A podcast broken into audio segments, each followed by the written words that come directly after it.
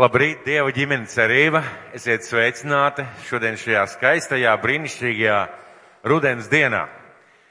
Un mēs esam šeit sapulcējušies nekā savādāk kā Jēzus Kristus vārdā.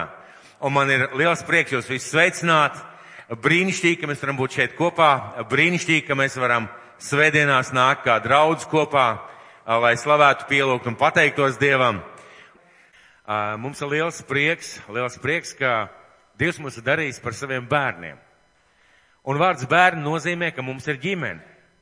Un ģimene nozīmē, ka mums ir tēvs, pareizi. Un mūsu debes tēvs ir tas mūsu tēvs, par ko, ko mēs mīlam, pie kā mēs nākam, kas rūpējas, gādā par mums, kas mūs darīs par saviem bērniem caur savu dēlu Jēzu Kristu. Un uh, Dievam pasaulē ir liela ģimene. Es teiktu tā, miljonu, miljonu.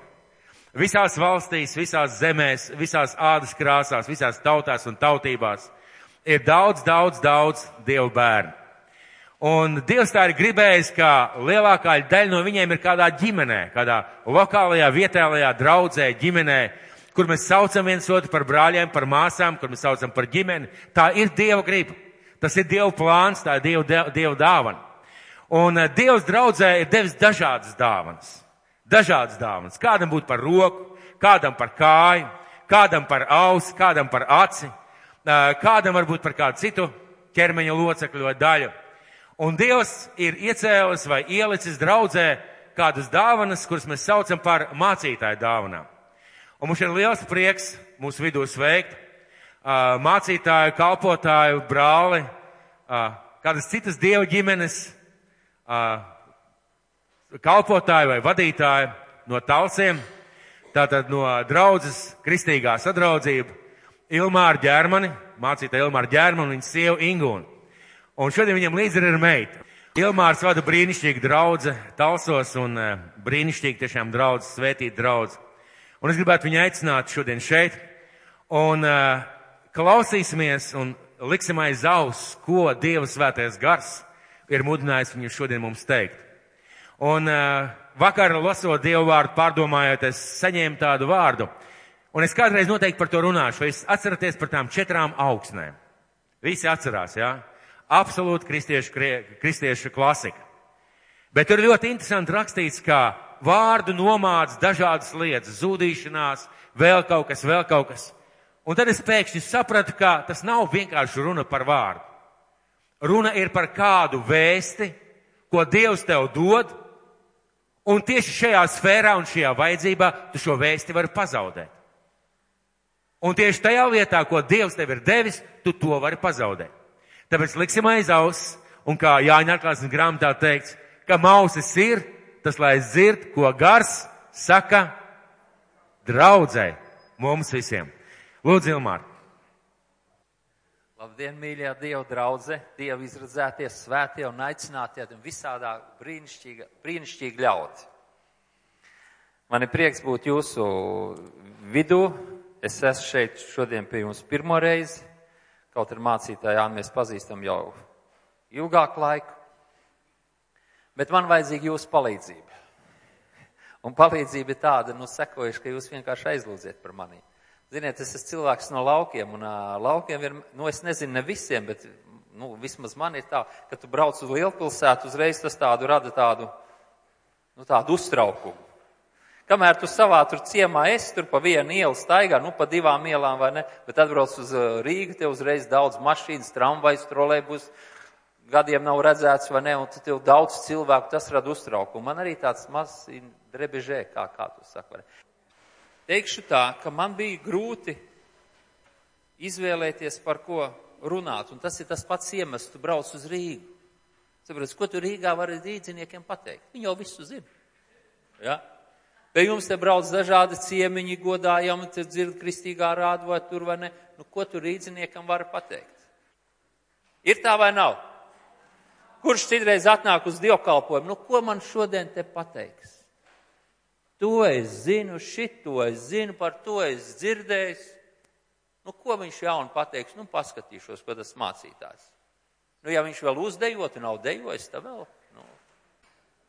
Kā viņš man šodien izklaidēs? Un, nu, Tā es arī domāju, ko tiem rīzniekiem var pateikt. Nu, jālūdz Dievs, pastiprināt, jālūdz Dievs. Un jo vairāk tu lūdz, jo lielāks uztraukums. Bet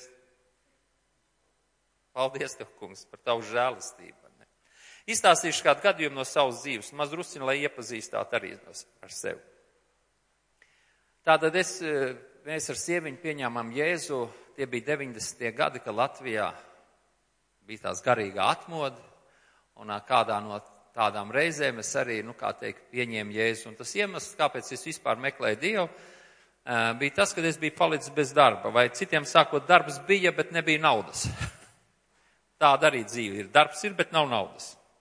Jo es nodarbojos ar savu tādu biznesiņu, es ņēmos pa mežiem, jo es pēc izglītības esmu mežsaimnieks, un tādēļ tas man nodarbošanās bija saistīta ar mežiem.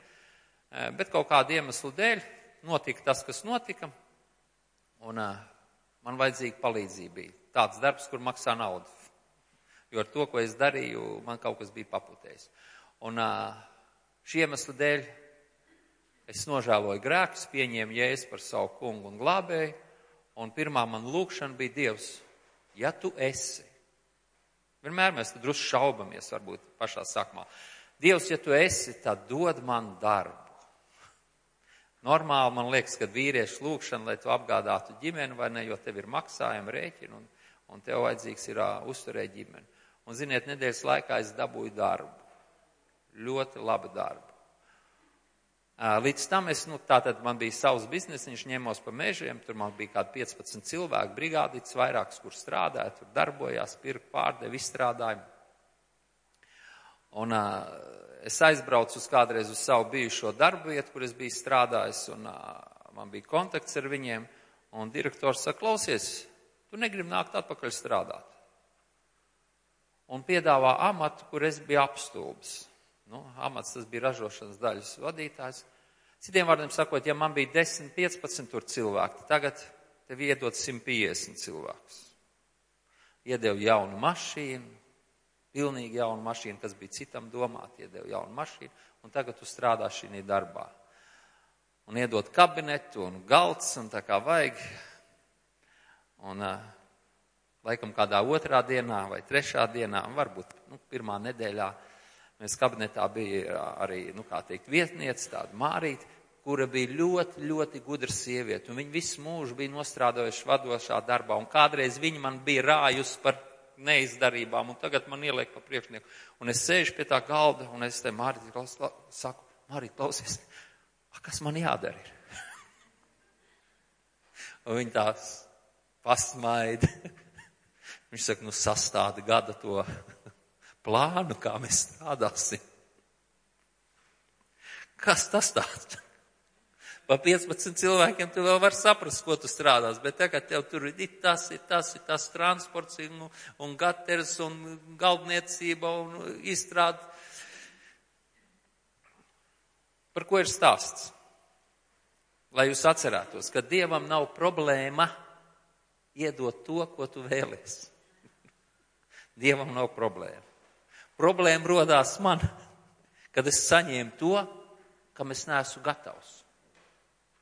Citiem vārdiem sakot, no šodienas skatījuma es, es ik pa brīdim pārdomāju tos notikumus, kas ir bijis 30 gadus atpakaļ, tas notikums. Kā es būtu šodien rīkojies? Es noteikti būtu savādāk rīkojies, savādāk kaut ko darījis, kaut kādas lietas, vai ne? Tādēļ, teiksim, tev no vienas vietas, tev iemet otrā vietā, Dievs tev svētī, Dievu, Dievu, bet tu neesi gatavs tik galā ar to svētī. Tu neesi vienkārši gatavs, tu neesi nobriedis, tu neesi, teiksim, vārds, teiksim, izaudzis. Ja? Tu neesi izaudzis, tu neesi gājis soli pa solītīm, tu esi vienkārši iemests citā vidē, un tu apstulbs, tu nezini, ko darīt. Nu, tu centies kaut ko darīt, un pēc stāsti par to. Un es gribētu, lai to stāstu vienkārši jūs paturētu. Ne? Dievam nav problēmas tev dot to, ko vajag, bet vai tu būsi gatavs? Ja? Vai tu esi gatavs? Tad man ir kādas raksturvietas, kuras gribot pa, pa, padalīties. Vienkārši zināšanai jūs noteikti esiet visu to zināt, nekas jaunu es jums nepateikšu, vai ne?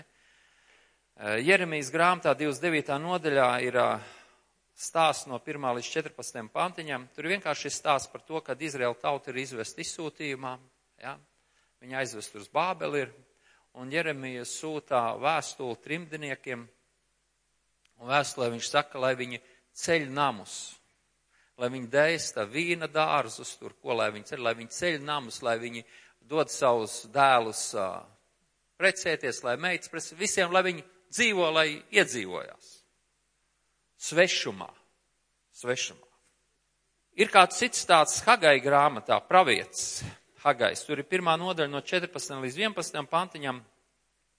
Tur Hagais uh, saka tautai vai tā dusmīgi apgalvo, viņš saka, vai tad ir pienācis laiks, lai jūs dzīvot ar ciedru koku plāksnēm izrototos namos, kad mans, stāv drup, mans nams stāv drupās?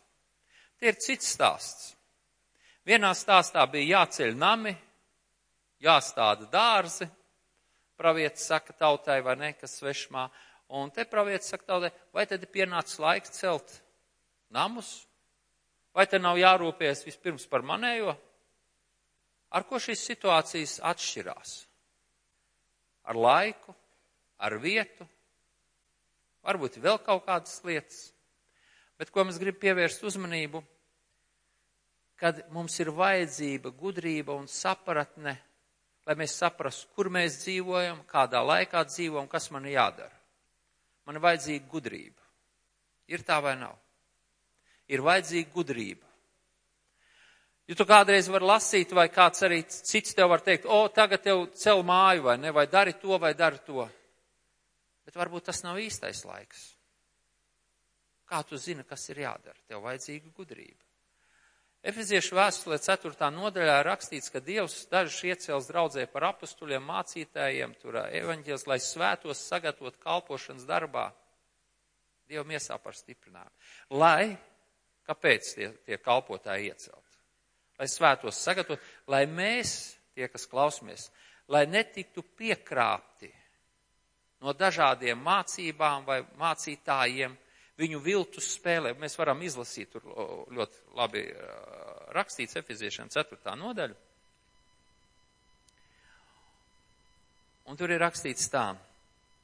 Viņš arī devis citus par apstuļiem, citus par praviešus, citus par evaņģēlis, citus par ganiem un mācītēm, lai svētos sagatavot kalpošanas darbā Kristus miesai par stiprinājumu, līdz kamēr mēs visi sasniegsim vienību Dieva dēla ticībā un atziņā, īsto vīra briedumu, Kristus dišanu un pilnības mēru. Tad mēs vairs nebūsim mazgadīgi bērni, kas cilvēku viltus spēlē, viņu viltīgās rīcības piekrāpt tiek šurp turp svaidīt, padodamies katram mācības vējam. Tad mēs nebūsim vairs mazgadīgi bērni. Ziniet, mazgadīgi bērnu var rīkoties kā grib. Tu viņam var stāstīt. Vienu viņš klausās, otru klausās. E, viens mācītājs e, tādu notikumu. Viņam ba, baznīca, tur remontē baznīcu un ir kāpņu telpa un zem kāpnēm ir mazs kambarīts.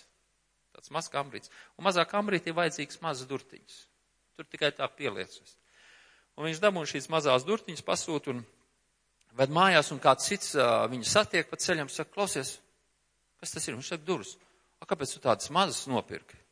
Viņš saka, kā, nu, svētdienas skolā? Kā svētdienas skolā? Nu, viņš saka, bērni taču ir maza augumā. Priekš kam viņiem lielas durvis vajag? Gaisa iet ārā, siltums iet prom vai nē? Nu, tādēļ nopirkt maz. Tas, tas kā, a, kā vēlāk? Nu, vēlāk ieliksim citus, nu. Tas cilvēks tā zina. Nu, tā arī aizgāja. Tam stāstītājam viņam smieklis nāk, bet viņš tā nopietni tā stāsta, pārliecināt un tā. Nu jā, nu viss, nu tā ir. Ar mazgadībiem bērniem tā var rīkoties. Tu viņam tikai vajag nopietnu seju un tu viņam stāst, un viņš vajag to tev izdarīt, tu stāst viņam to, vajag to. Tātad cilvēkiem ir rakstīts, ka ir kaut kādi cilvēki, varbūt kādi viltīgi tev apkārt, kuri var izmantot tevi, ja ja tev nav šīs gudrības un saprats, tev var izmantot savos nolūkos. Ir tā. Un varbūt kāds no jums ir arī kādreiz bijis tā pievilts vai piekrāps. Tādēļ ir vajadzīga, kas mums ir vajadzīga? Gudrība. Mēs augstam pēc gudrības. Tādēļ labi, ka mums par mums ir kādi mācītāji, tur vadītāji vai vecāki cilvēki, kuri izgājuši dzīves pieredzi un kur vienkārši no tālienes redz, ko vajag cilvēkam darīt. Es kādreiz es teicu, ka kalpotājām, nu īpaši sievietēm, es saku, klausies, labāk paliec mājās un tev ir trīs bērni. Es domāju, ka tu bērniem vairāk būs vajadzīgi nekā draudzē tur darbojoties, skrienot. Jo man liekas, ka šis ir tavs laiks rūpēties par bērniem. Jo es esmu redzējis cilvēku, kad viņi atstāja novārtā savu namu un skrien kaut ko darīt, bet tas atnes ļaunumu, jo tur ir konflikti mājās, ja vēl vīrs ir neticīgs vai ne. Tev labāk ir vajadzīgs, nu, mājās rūpēties par bērniem, lai nebūtu bērni. Jo man tas vienmēr rada, nu, kā teikt, uztraukumu. Tieši par sievietēm, kad manā situācijā tā ir bijuši, kad ļoti gribu kalpot, bet es zinu, ka mājās ir bērni, kuri pamest vienu pašu, jo pēc tam paies laiks, un kas būs ar tiem bērniem. Vai kādreiz jaunietim ir nācies teikt, paklausies, eh, šis nav laiks, ka tev ir jāstrādā, šis vēl laiks, ka tev ir jāmācās. Kā tu zini? Nu, nu ir kaut kāda pieredze. Šis laiks, ka tev ir jāmācās. Jo būs laiks, ka tu varēsi strādāt. Būs. Un dzīvē ir dažādi laiki. Ja? Ir laiks, kad celt, ir laiks, kad necelt. Laiks, kad krāt, laiks, kad tērēt. Tur ir dažādi laiki sāpes. Tādēļ mums ir vajadzība gudrība. Gudrība, lai mēs saprastu, kādā laikā mēs dzīvojam, kas mēs tādi esam. Ļoti svarīgi zināt, kas mēs esam. Par to pašu darbu, kad man ielika pa to priekšnieku, pēc gadiem es domāju, Es taču neapzinājos to autoritātu un varu, ko man ir iedota. Es neapzinājos. Es vienkārši viņu neapzinājos. Es vēl mēģināju pa vecam skraidīt kaut kādas lietas fīrēt, kur man jau vairāk tas nebija jādara, kur man bija jāvada. Bet es vēl mēģinu tā kā, nu, kaut ko tur runāt vai kas, bet tu esi ielikts par vadītāju, tev ir jāvada. Tev daudz lietas vairs nav jādara pašam, tev ir jāvada. Ja? Tādēļ ir dažādās situācijās, dažādi pienākumi, dažāda atbildība. Ja mēs par, par varu runājam, tad eh, Bībelēs eh, rakstīts, ka Dievs mums devis ir varu un autoritāti. Ir tā. Dievs deva mācekļiem varu, viņš tur saicināja, viņš deva, viņš saka, ej, nu kā tur bija, izsūtījis tos 12 cilvēkus, viņš, es jums dodu varu par ļauniem gariem tos dziedināt un, un tā tā un tālāk, vai ne? Un izsūtīja mācekļu gāju un atnāca apkaļ un viss priecājās, vai Vai mūsu dzīvē viss tā notiek, kā tur?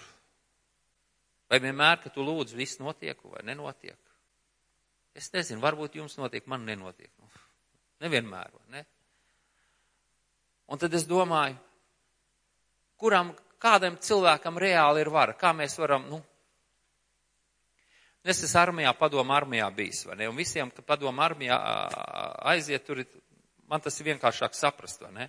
Katram zaldātam iedod ieroci. Nu, viņš tur skāvs, skapī aizslēgs, bet viņam ir ierocis. Un noteikta laikā tev to ieroci iedod. Vispār cilvēks ar automātu rokā, kā jūs izturētos, ka viņš tāds ienāk tā zālē viens ar automātu rokā.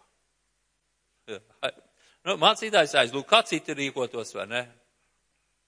Un viņš tur nostājās aizmugurē. Un ja vēl otrs ienāk, Varbūt tad kādi, kā tu teici, nu, pie mums draudzē, no aizmugurēs viens pārnākt uz priekšu vai nu iziet ārā. Bet kaut kāda bijība ir, vai ne? Pret cilvēku, kam ir forma, kam ir ierocis, vai ne? Bet te pašā laikā tur arī ir hierarhija dažādi. Zaldātiņš ir, tad tur ir virsnieki, tad ir ģenerāļi, tad tur augstāk, vai ne? Un katram viņam ir dažāda tā autoritāte varas. Tas, ka viņam tikai ierocis ir, tas vēl nenozīmē, ka viņš var darīt ar to, ko grib. Kaut jau, ja es ieraugu, man jau jau, man vispār no policistiem arī kaut kāda padoma trauma vai bērnības, vai ne? Kā es ieraugu policistu, es uzreiz braucu ar mašīnu, ieraugu policistu, uzreiz, ā, no piesprādzējies ir, ātrums jāapskats, viss pārbauda sev, ne? Tas uzreiz tās. Visādiem gadījumam. Varbūt viņš tur uh, pierādziņāt, bet man jau tas jau Un nedod Dievs, viņš aptur vai ne, tad sāku roku izstriep priekšā, tu jau esi pārbījies, jau, jau valoda raustās, vai ne? Ko tu esi izdarījis, kas nepareizi ir? Varbūt viņš vienkārši grib sasveicināties, pateikt, nu, Jums laikam tur uguns tur, zina, nedeg tā kā vajag, vai ne, aizbrauciet servis vai kā. Huh. Bet uztraukums ir. Bet ir vara, dažāda vara. Ja? Vai mums arī ir dažāda ietekme? Ir vai nav? Man liekas, kad ir. Ja? Tenī pašā vēstulē romie, romiešiem 12. nodaļa. Romiešiem 12. nodaļa. 12. nodaļa tur ir tā rakstīts. Trešais pāns. Tad nu es ieteicu ikvienam starp jums tā žēlstības vārdā, kas man dota, netiekties pāri nolikti, noliktam, bet censties sevi apvaldīt saskaņā ar to ticības mēru, ko Dievs katram piešķīrs. Jo kā mums vienā miesā ir daudz locekļu, bet ne visiem locekļiem vienāds uzdevums. Jā, nevienāds uzdevums.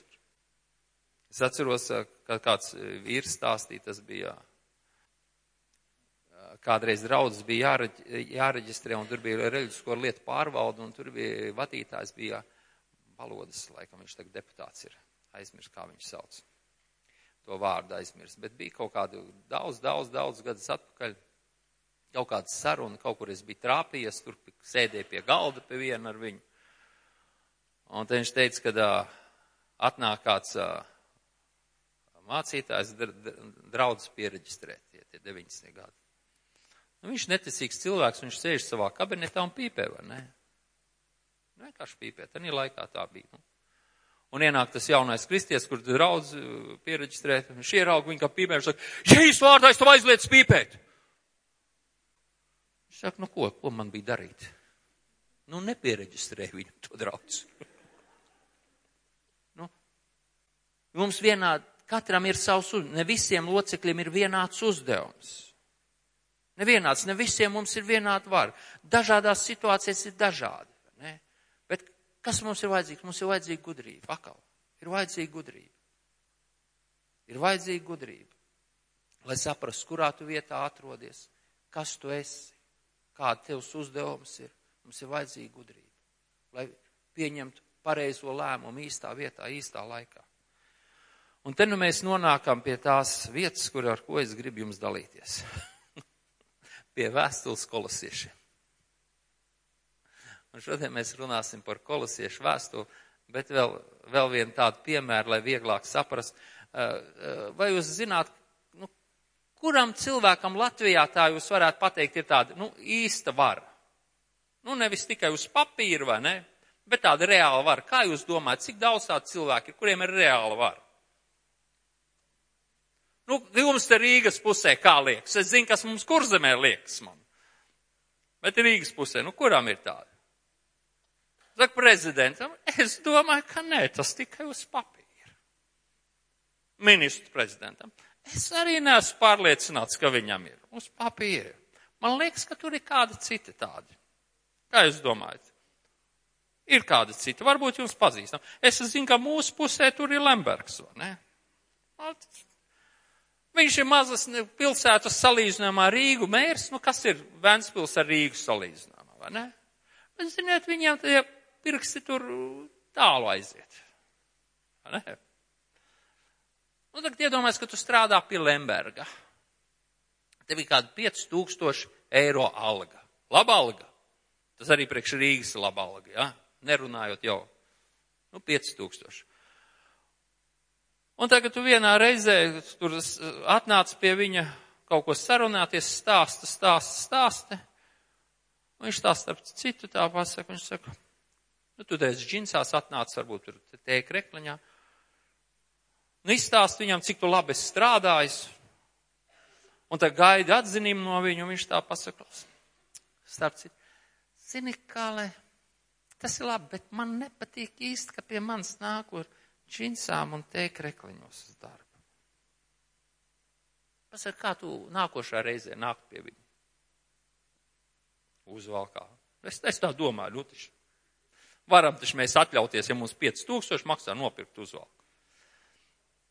Kādā citā reizē viņš, tu viņam atkal kaut ko stāst, stāst, viņš saka, zin ko, es esmu nolēmis atbalstīt ģimenes, laulātus pārus.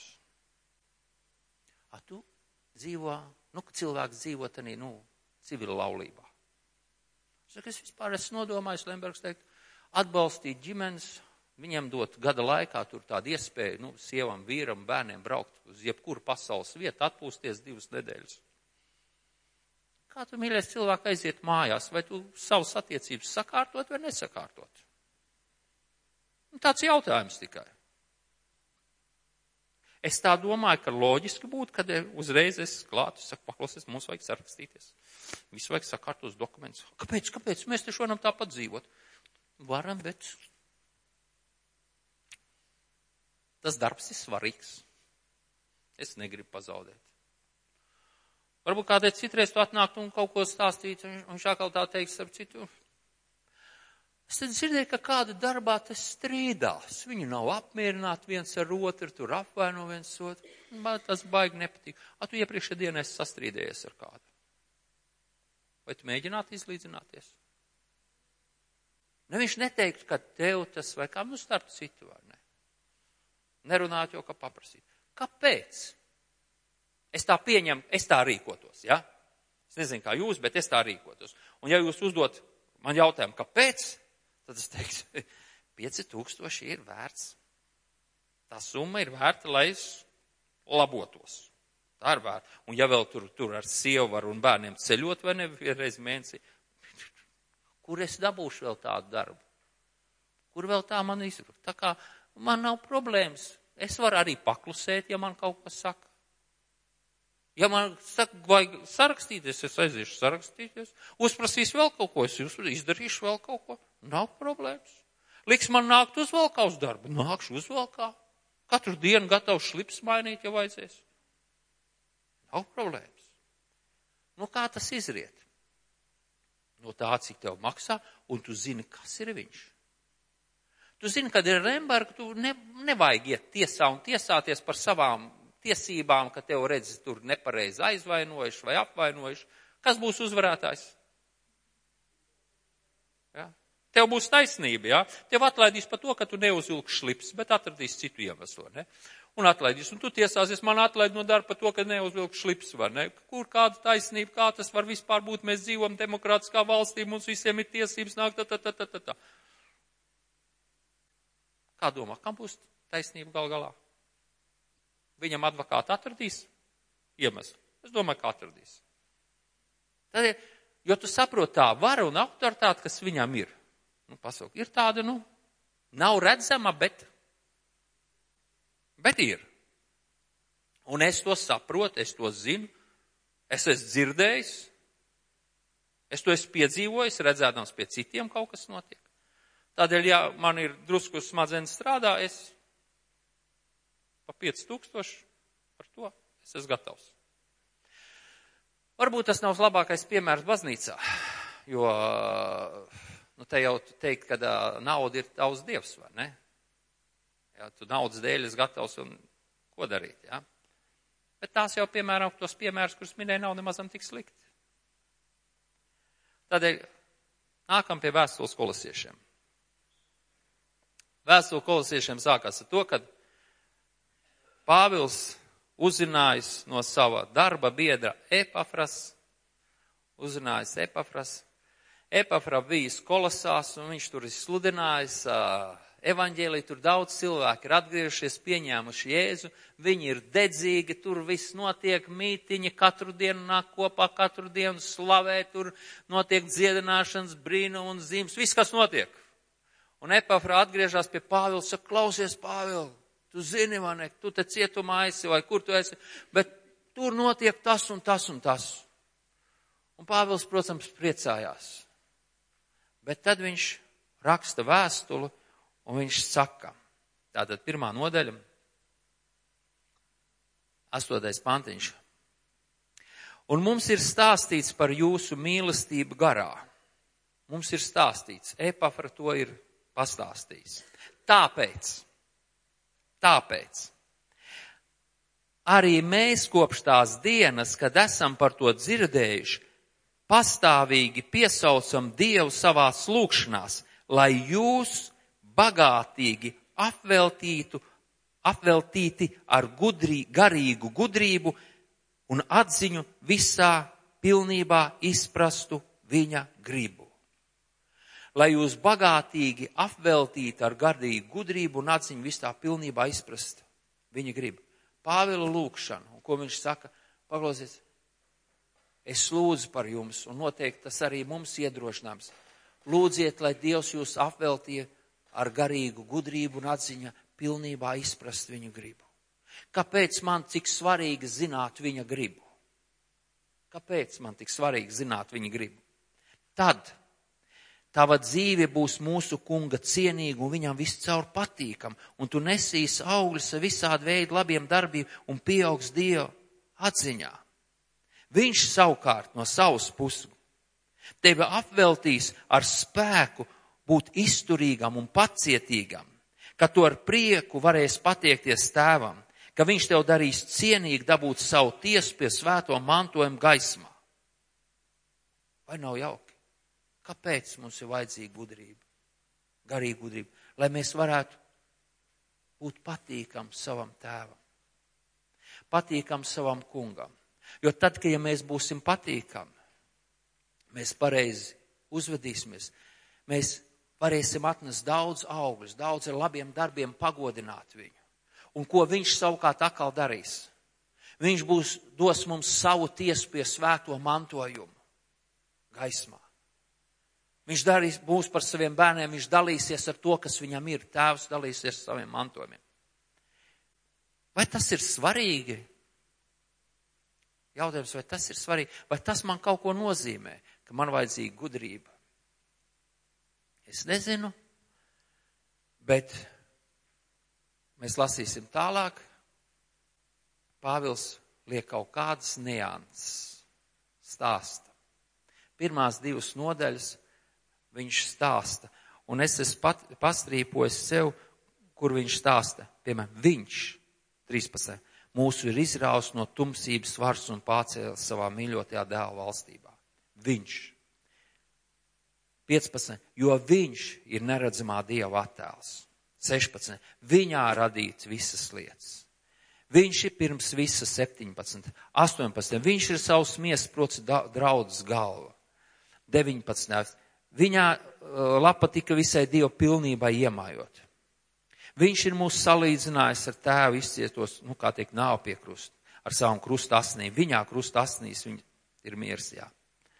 Viņš tagad 22. salīdzinājis mūs savā cilvēciskā miesā akā, lai mēs svēti būtu, lai mēs viņa priekšā varētu stāt, stāvēt.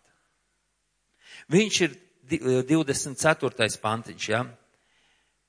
Viņš ir, tūlīt izlietam, tad es līdz savās cieši, kurās nes jūs labā piepildīdams to, kas vēl trūks pie Kristus ciešanas savā miesā, par labu draudzēji, kas ir viņa miesa. Viņš ir savas draudzes, nu kā teikt tā, miesa, draudz ir viņa miesa. Ja? 28. Tādēļ Pāvils saka, viņu es sludinu un paskubinu ikvienu cilvēku, un mācība ir viena cilvēka visā gudrībā, lai ikvienu cilvēku darītu pilnīgu. Tādēļ izjūt no tā, kas viņš ir. Kas viņš ir? Viņš ir savs, kā teikt, pirmdzimtais, vai ne? Viņā radītas visas lietas. Viņš mūs izraus no tumsības varas. Viņš mūs pārcēl savā mīļotajā dēla valstībā. Viņš, viņš, viņš, viņš. Un atkal otrā nodaļa, tas sākās no, no sastā panti rakstīts, kas mums jādara. Sakņojieties viņā, stipri kļūdam viņā, pārplūstam pateicībā. Viņā mājo visa Dieva pilstī, pilnība, devītais pantiņš. Viņš ir galva visām varām un draudz, variem un varām un spēkiem. Kristībā līdz ar viņu mēs saprakt viņā līdz uzmodināti. Viņš mūs uzmodinās, ja?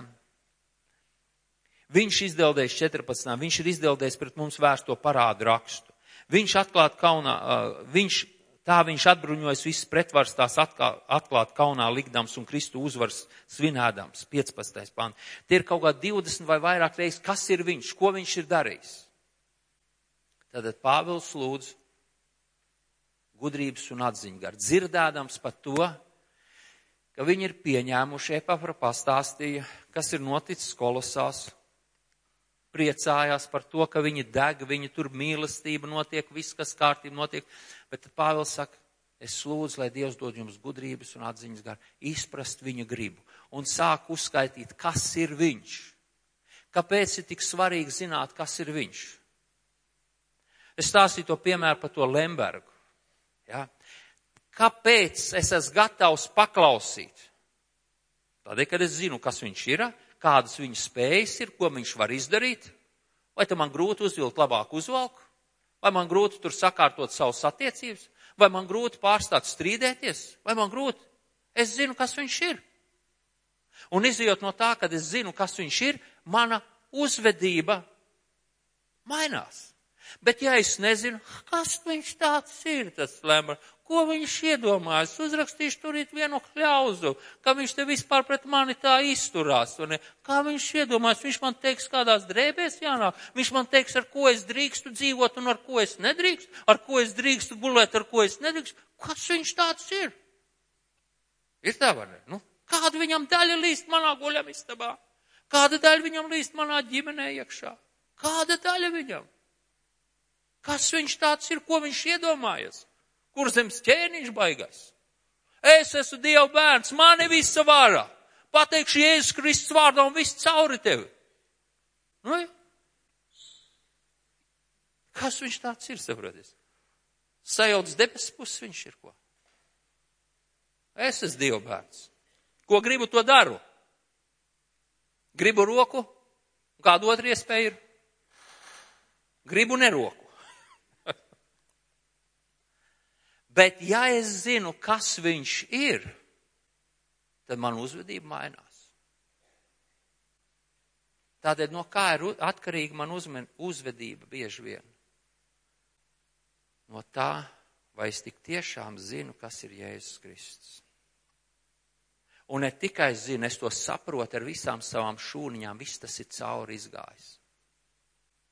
Es saku, man ir tāda, nepieminēja laikam pieminēšu, man tāda bērnības trauma no lieliem kabinetiem.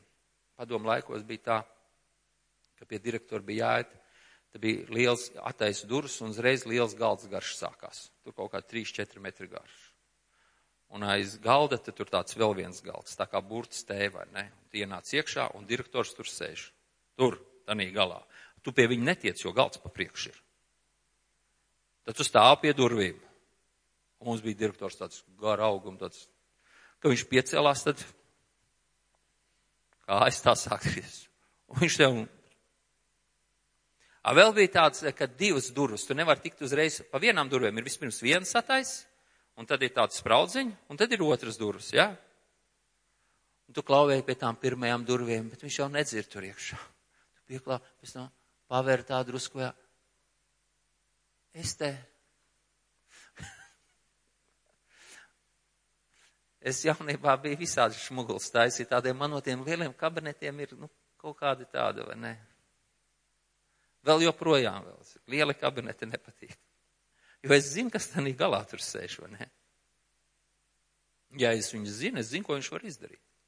Bet ja es viņu nezinu, tad es, kā aiz durvis vaļā, ko tu gribēji no manis? Tev ko teikt bija? Nav man laika, direktor, beidz. Nav man laika taču. Man te savas lietas jākārto. Es domāju, ka šodien viens otrs tā darbā uzvedās. Viņa pasaules priekšnieks klāt. Nu, ko tu gribēji?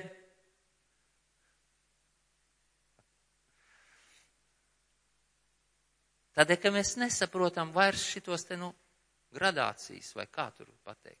Kas ir kas? Mēs iedomājamies, ka mēs esam pasaules centrs, kad visam, viss grozās ap mani. Bet, ja es saprastu, un tādēļ Pāvils, ko viņš dara, viņš saka, es lūdzu par jums gudrības atziņu, lai jūs saprastu viņu gribu, un tad sāk stāstīt, kas ir Jēzus, ko viņš ir izdarījis, lai sakārtotu mūsu smadzenītes, lai mēs apzinātos, cik kāda, ar ko mums ir darīšana. Tas ir labi, ka tu esi atgriezies. Tu pieņēmi, nožēlojas grēkus, es pieņēmu jēzu, tu dedz, bet tev ir jāsaprot, kam tu esi pievienojies, kas ir tavs kungs, kāda viņa iespējas, ko viņš izdarīs priekš tev, par ko viņš valda, kur viņa rokas sniedzās. Jona, kur gāja slēpties? No kuģa tur tenī apakšā viņš tur domāja paslēpsies, vai ne? Ā, ā, paslēpās, jā. Ja? Mums arī domas, mēs palaidīsim zem sagas visu cauri. Viņa rokas ir visur, viņš visu var. Viņš ir pirms visa, viss ir viņā un viņš ir pār visu. Viņš ir savs draudzes galva. Viņš ir atbruņojis visas pretvaras, tās atklāt kaunā likdams un uzvaras svinēdams. Viņš ir augšām celšanās un dzīvība un daudz, daudz lietas. Vēl nekas nebija, bet viņš jau bija. Mums ir darīšana ar ko? Ar visu varu no Dieva, kuram nav nekādas robežas, nekas viņu nevar apturēt. Un šī iemesla dēļ Pāvils saka, trešā nodaļa un ceturtā, mēs tā īsi, ātri visu kolosiešu vēstuli apstīsimies. Interesants lietas viņš saka. Ja nu jūs ar Kristu esam augšām celšanies, tad tiecieties pēc tā, kas ir augšā, kas ir Kristus un paaugstināts pie Dieva labās rokas. Savus domas vērsiet uz augšu, ne uz zemes lietām. Jūs esat miruši un jūsu dzīve līdz ar Kristu apslēt Dievā. Kad nu atspīdēs Kristus jūsu dzīvību, tad arī jūs atspīdēsiet līdz viņu. Tāpēc, tāpēc, tāpēc, tāpēc nonāvējiet sevī to, kas pieder zemē netiklību, nešķīstību, kaislu, ļauno iekāru un mantkārību, kas ir elka kalpība. Viņu dēļ nāk Lemberga dusmas par neklausīs bērniem, kuru vidū arī jūs kādreiz bijat staigājuši, pirms viņš pieņēma jūs savā darbā. Bet tagad visu to atmetiet - dusmas, atsirdība, ļaunprātība, zaimas un nekaunīgas runas, kas ir jūsu mutē. Skaties, lai nedodies nedzirdēt kāds. Nemelojiet cit citam, novilciet veco cilvēku, un apģērbiet jauno cilvēku, jaunu uzvalku. Tomēr tu, tu atceries, kur tu strādā pie Lemberga, jā. Ja? Tur vairs nav ne grieķi, ne jūda, ne apgriezīšanas, ne apgriežas, ne barbara, ne skita, ne verga, ne brīvā, bet visu un visos Lembergs. Ja? Kas savā bībelē? Es, es, es mēģinu, saprotiet, stēloju teātri, jā, un tas viens iemesls ir aizdomāties, kam mēs piedaram. Jo no cilvēkiem mēs vairāk baistamies ne no, kā no Dieva. Kā mans sieva teica, ka mēs apprecējamies kaut kādā brīdī, viņa bija mācījusi attīsmu. Augstskolā attīsmu, jā, augstskolā, augstskolā attīsmu. Un tur profesors ir prasījis, tad, kad cilvēks zog, no kā viņš bīstās? No cilvēkiem vai no Dieva? Nu, pasakiet. Tad, kad viņš zog, no kā viņš bīstās? No cilvēkiem vai no Dieva? No cilvēkiem. A, ko tas nozīmē?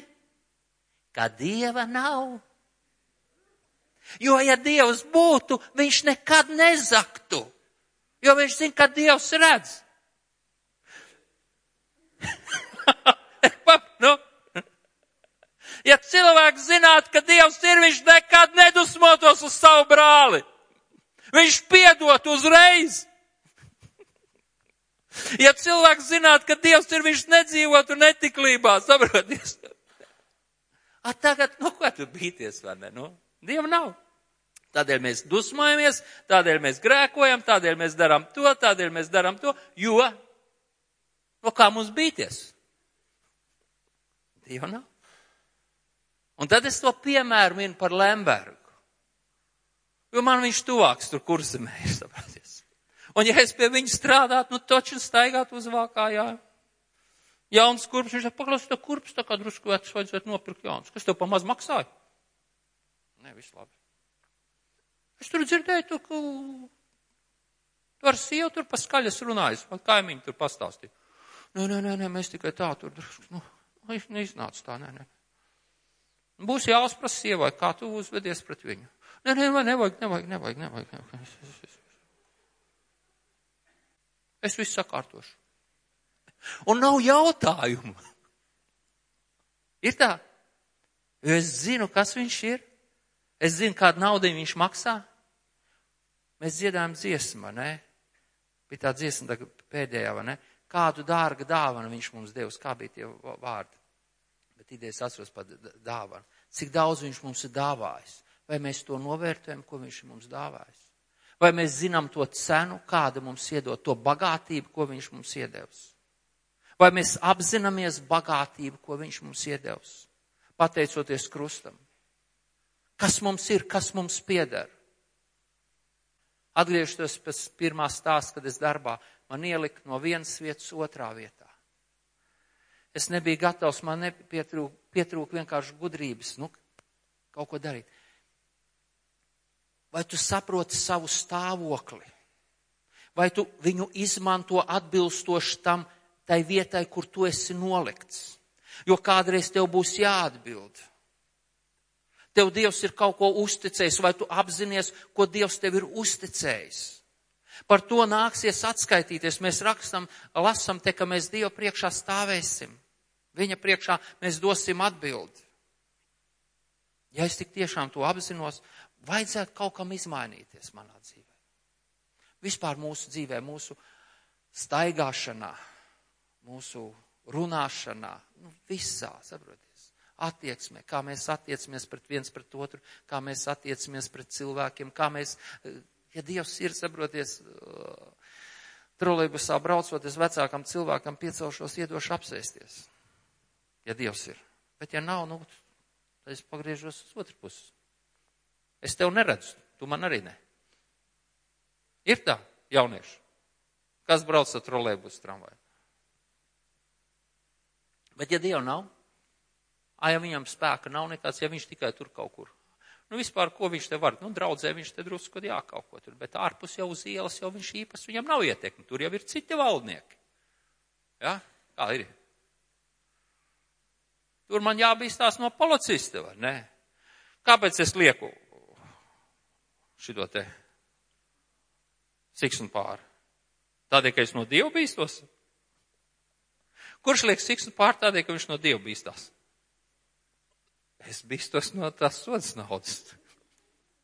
Pa priekšu. Ā, no Dieva saka, kungs, tu jau redzi, nu, tā man grūts tā braukt pēc tās jostas. Tev jau žēlastība ir. Tu jau vari piedot kādreiz. Tāpēc Tad, nu, kā Dieva izredzētie trešā nodaļa, vai ne? Svētie mīļotie, tērpieties sirsnīgā līdzjūtībā, laipnībā, pazemībā, lēnībā, pacietībā, ka jūs citu citu panesat un citu citam piedodat, ja vienam ir ko sūdzēties par otru, tāpat kā mums kungs, tāpat kā mūsu kungs jums piedevs, piedodiet arī jūs. Un pāri visam tam labi ir mīlestība, kas pilnības saite.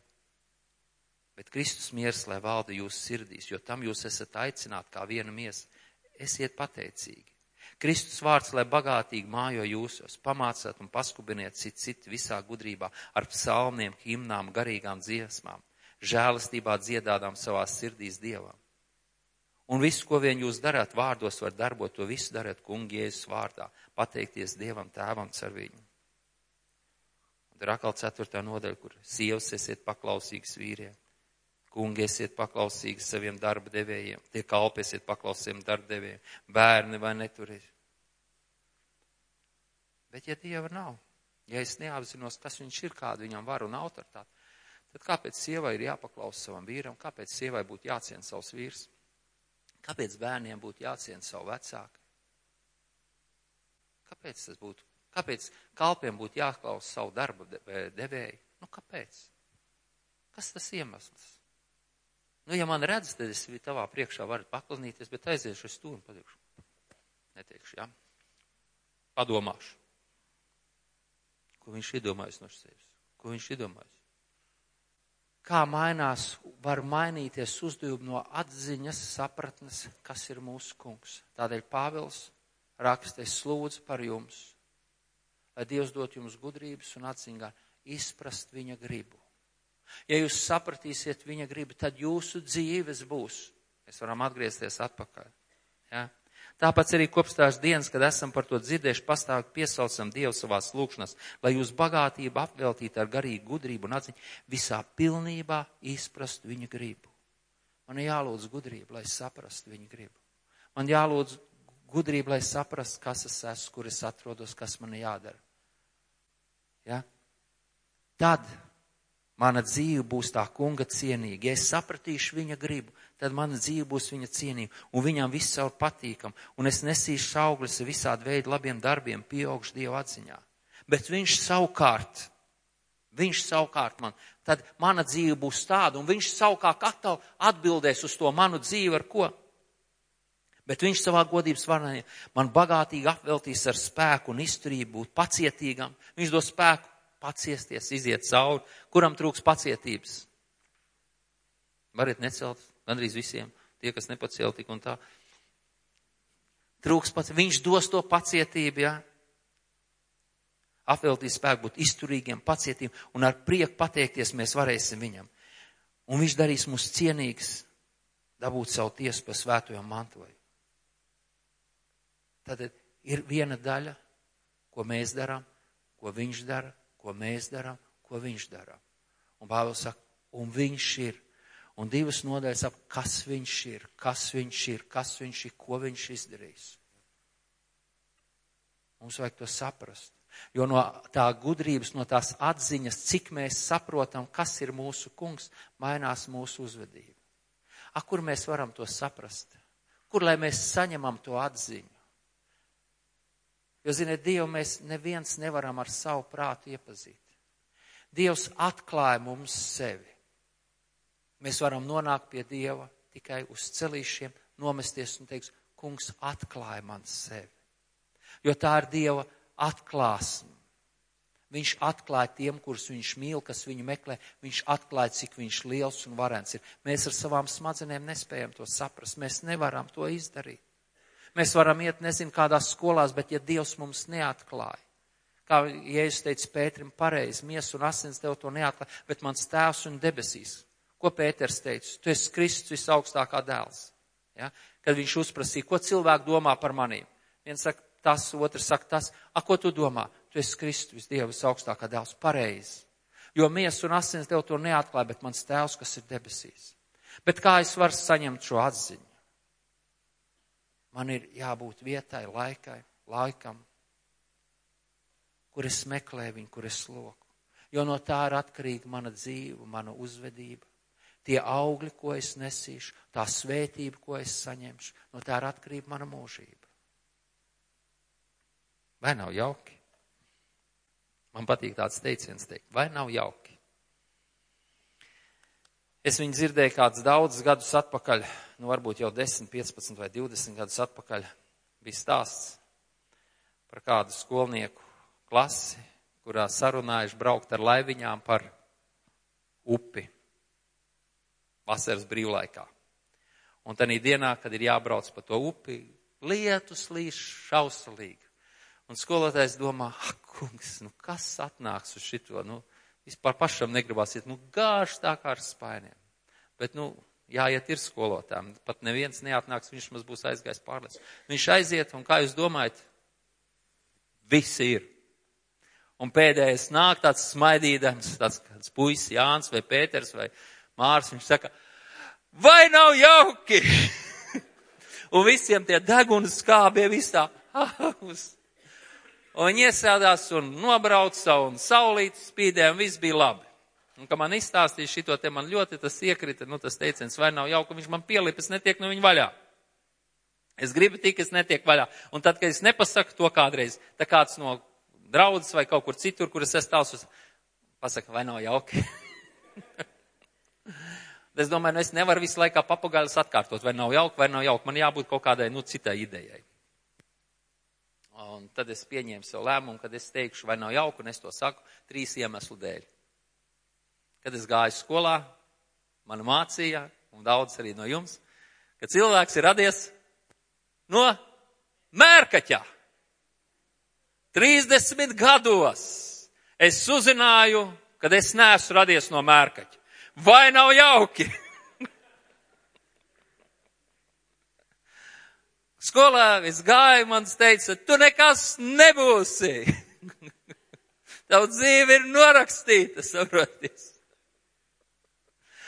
Un tad, kad es iepazinu Jēzus, uzzināju, ka Dievam ir plāns manā dzīvē. Vai nav jauki?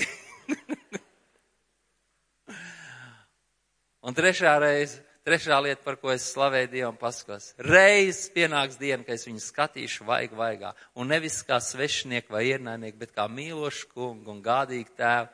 Vai nav jauki? Tādēļ lietus līst vai saule spīd.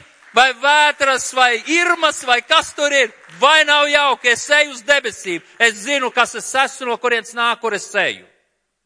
Un šī atziņa man dod spēku slavēt, un šī atziņa man liek mainīties, šī atziņa man liek strādāt pie sevis, tad, kad es izdaru kļūdas, Kristus ceļiem lūg Dievam palīdzību, Diev, dod Dievam, lūdz Dievs izmaina man, palīdz man mainīties, palīdz man to, jo es zinu, ka es satikšos reiz ar viņu. Vai nav jauki? Nu, ko lai es jums saku? Vai nav jauki? Kolosiešu vēstuli.